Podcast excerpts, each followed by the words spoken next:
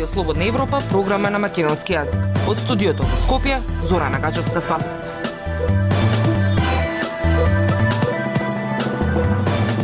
Почитувани, гостен во неделното интервју на Радио Слободна Европа е директорот од Агенцијата за електронски комуникации Јето на Кико. Со него разговаравме за последните обвинувања од опозицијата за непотизам и партиски влијанија при вработување во Агенцијата за електронски комуникации, каде што десетина вработени од вкупно 120 се сопруги, ќерки и синови на сегашни и поранешни функционери. Со него разговаравме и за сајбер безбедноста на македонските институции, како и последните хакерски напади. Само од почетокот на годинова се забележани над 150 помали инциденти, од кои 12 се посериозни со барање на откуп. Слушајте не.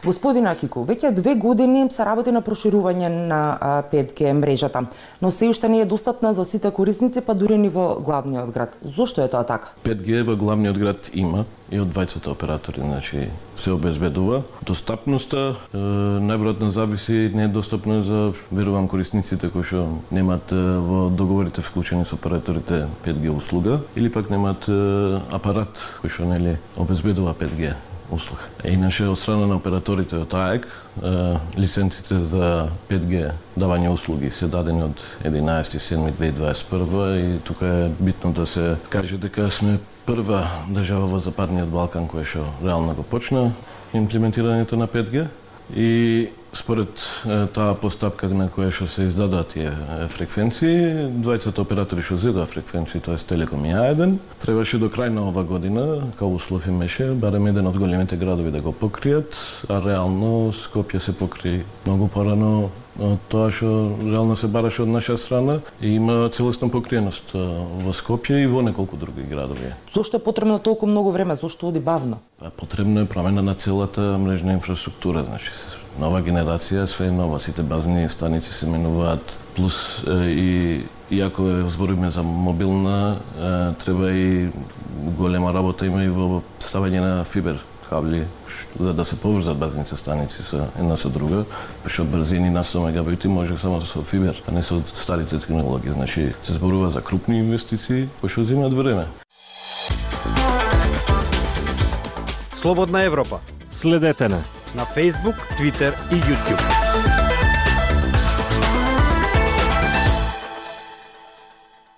Во однос на сајбер безбедноста, колку хакерски напади се пријавени годинава во Националниот центар за одговор на компјутерски инциденти кои што спаѓа под АЕК? Најголем број досега за една година е 155 пријави, од кои што само 12 се да кажам сериозни инциденти, другите се пријави за малициозни мейлови, спемови и такви работи.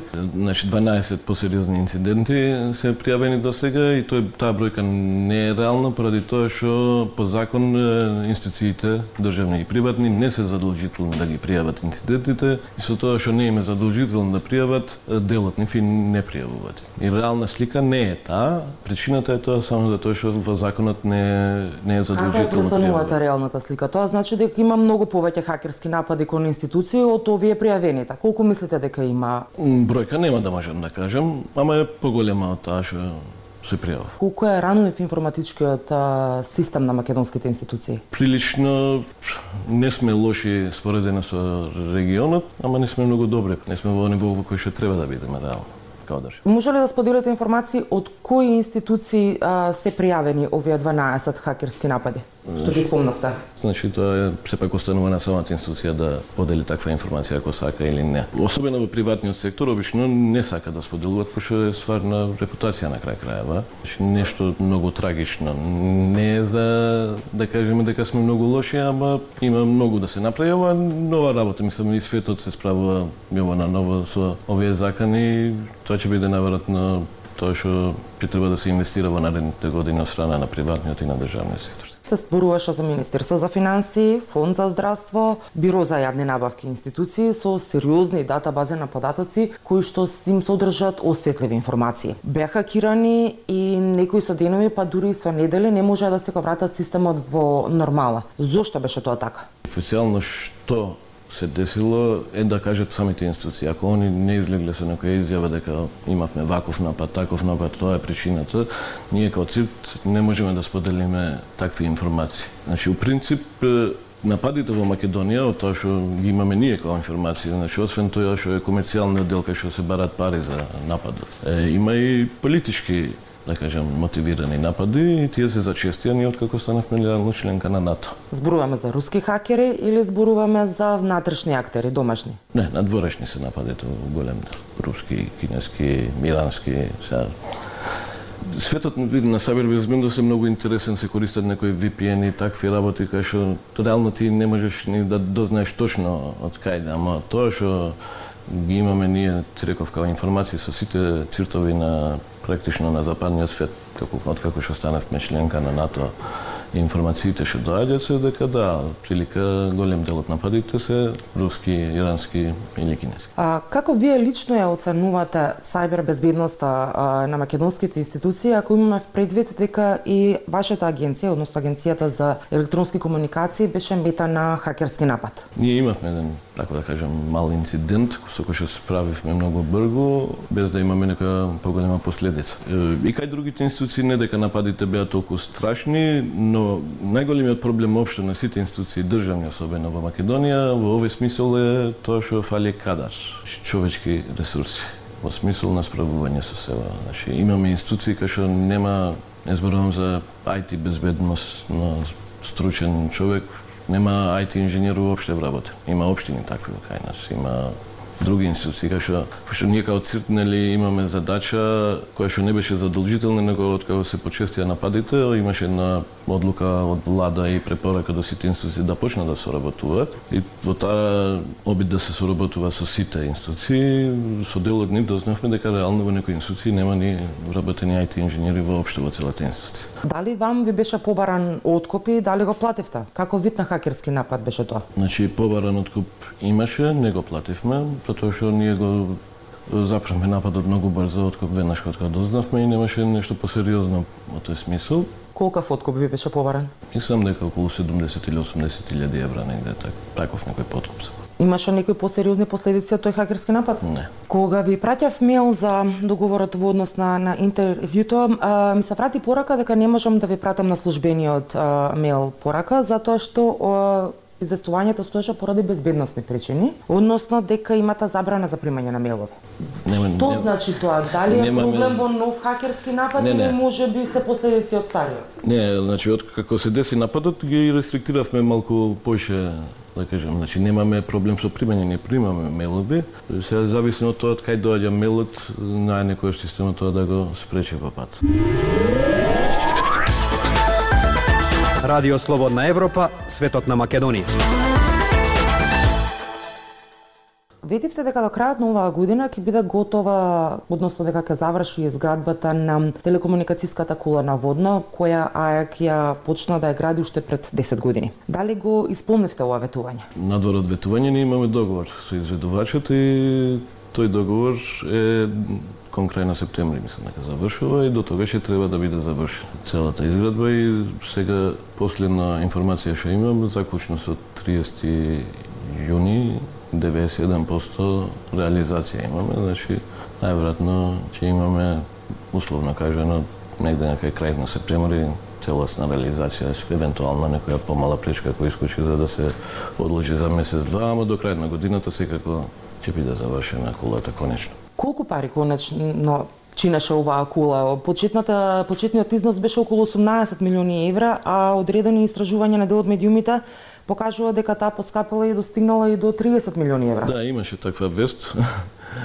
Не знам што беше базирана без разлика. Значи, да, договорот за кулата е точно милиарда 142 милиони 325 илјади и 46 денали. Значи, да видам вака е искрено точно. Авалската те- телекомуникацијска кула во Белград е 50 метри повисока од Скопската, а, изградена е за 4 години, а чини 8,5 8,5 милиони евра. Зошто постои толку голема разлика измеѓу Скопската и Белградската телекомуникацијска кула? Се, точни информации за кулата во Белград за Вала немам каква конструкција и све тоа. Значи, Таа изве изградена многу порано. Најверојатно и цените тогаш верувам биле по пониски од е, што се сега, особено во последно време како што нели инфлација и кризи, цените се отидоа нагоре, но без разлика на тоа, значи и другата причина наверојатно и локацијата на нашата кула. Значи водно е тежок терен и да се стигне и да се работи. Вработувањето во Агенцијата за електронски комуникации се секогаш во едноста актуелна тема. За жал.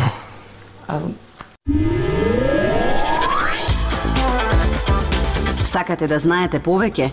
Наша веб страница slobodnaevropa.mk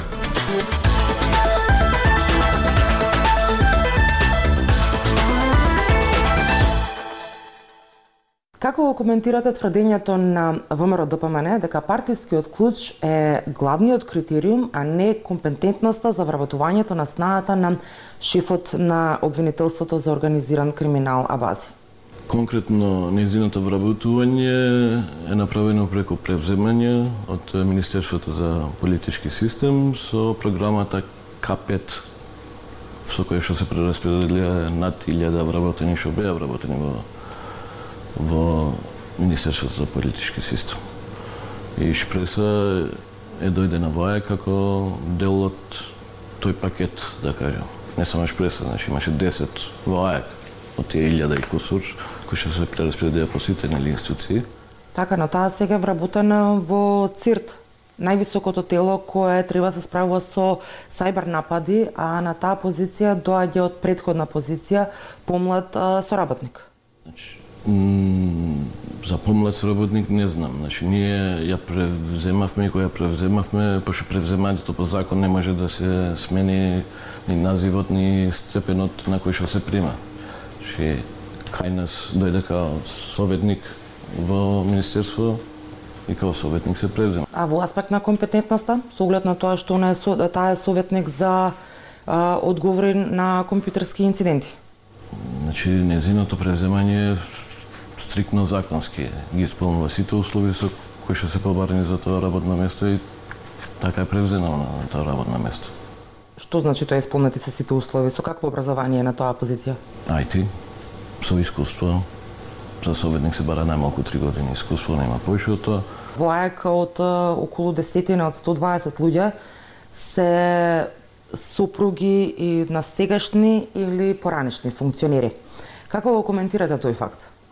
Најверојатно во секоја институција би имал некој вработен што има некоја, да кажам, е, релација со некој функционер. Што сепак сме мала држава. Но зборуваме за сопругата на министерот за надворешни работи Бујар Османи, зборуваме за сопругите на поранишните генерални секретари Кирил Божиновски и Мартин Прутуѓер, зборуваме за а, керка на поранешна председателка на Уставен суд, за син на поранешна директорка на Државниот здравствен инспекторат. Тие се вработувања сите постари што ги споминјаш, не можеме да кажам, ама у принцип, значи вработувањето до моје знање ние да не е вработен со прекошување на било која од овие процедури законски. Нема тука непотизам.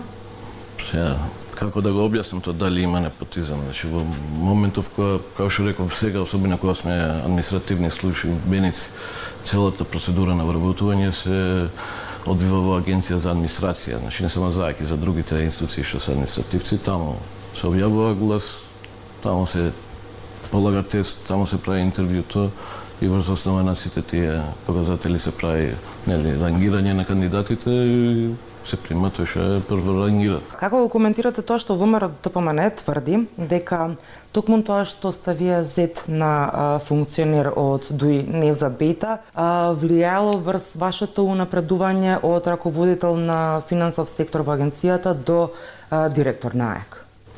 Директор не станав со напредување, значи имаше оглас на кој што конкурирав и имавме двајца конкуриравме и во тој оглас комисијата која е надлежна за избор на директор одлучи дека треба да бидам јас директор. Не е со напредување, значи. Политичката ваша позадина Не би требало да игра никаква улога и не верувам дека има врска со тоа. Тоа беше се што ви подготвивме за оваа емисија. Со вас од студиото во Скопје беа Зора Нагажевска Спасовска и Дејан Балаовски.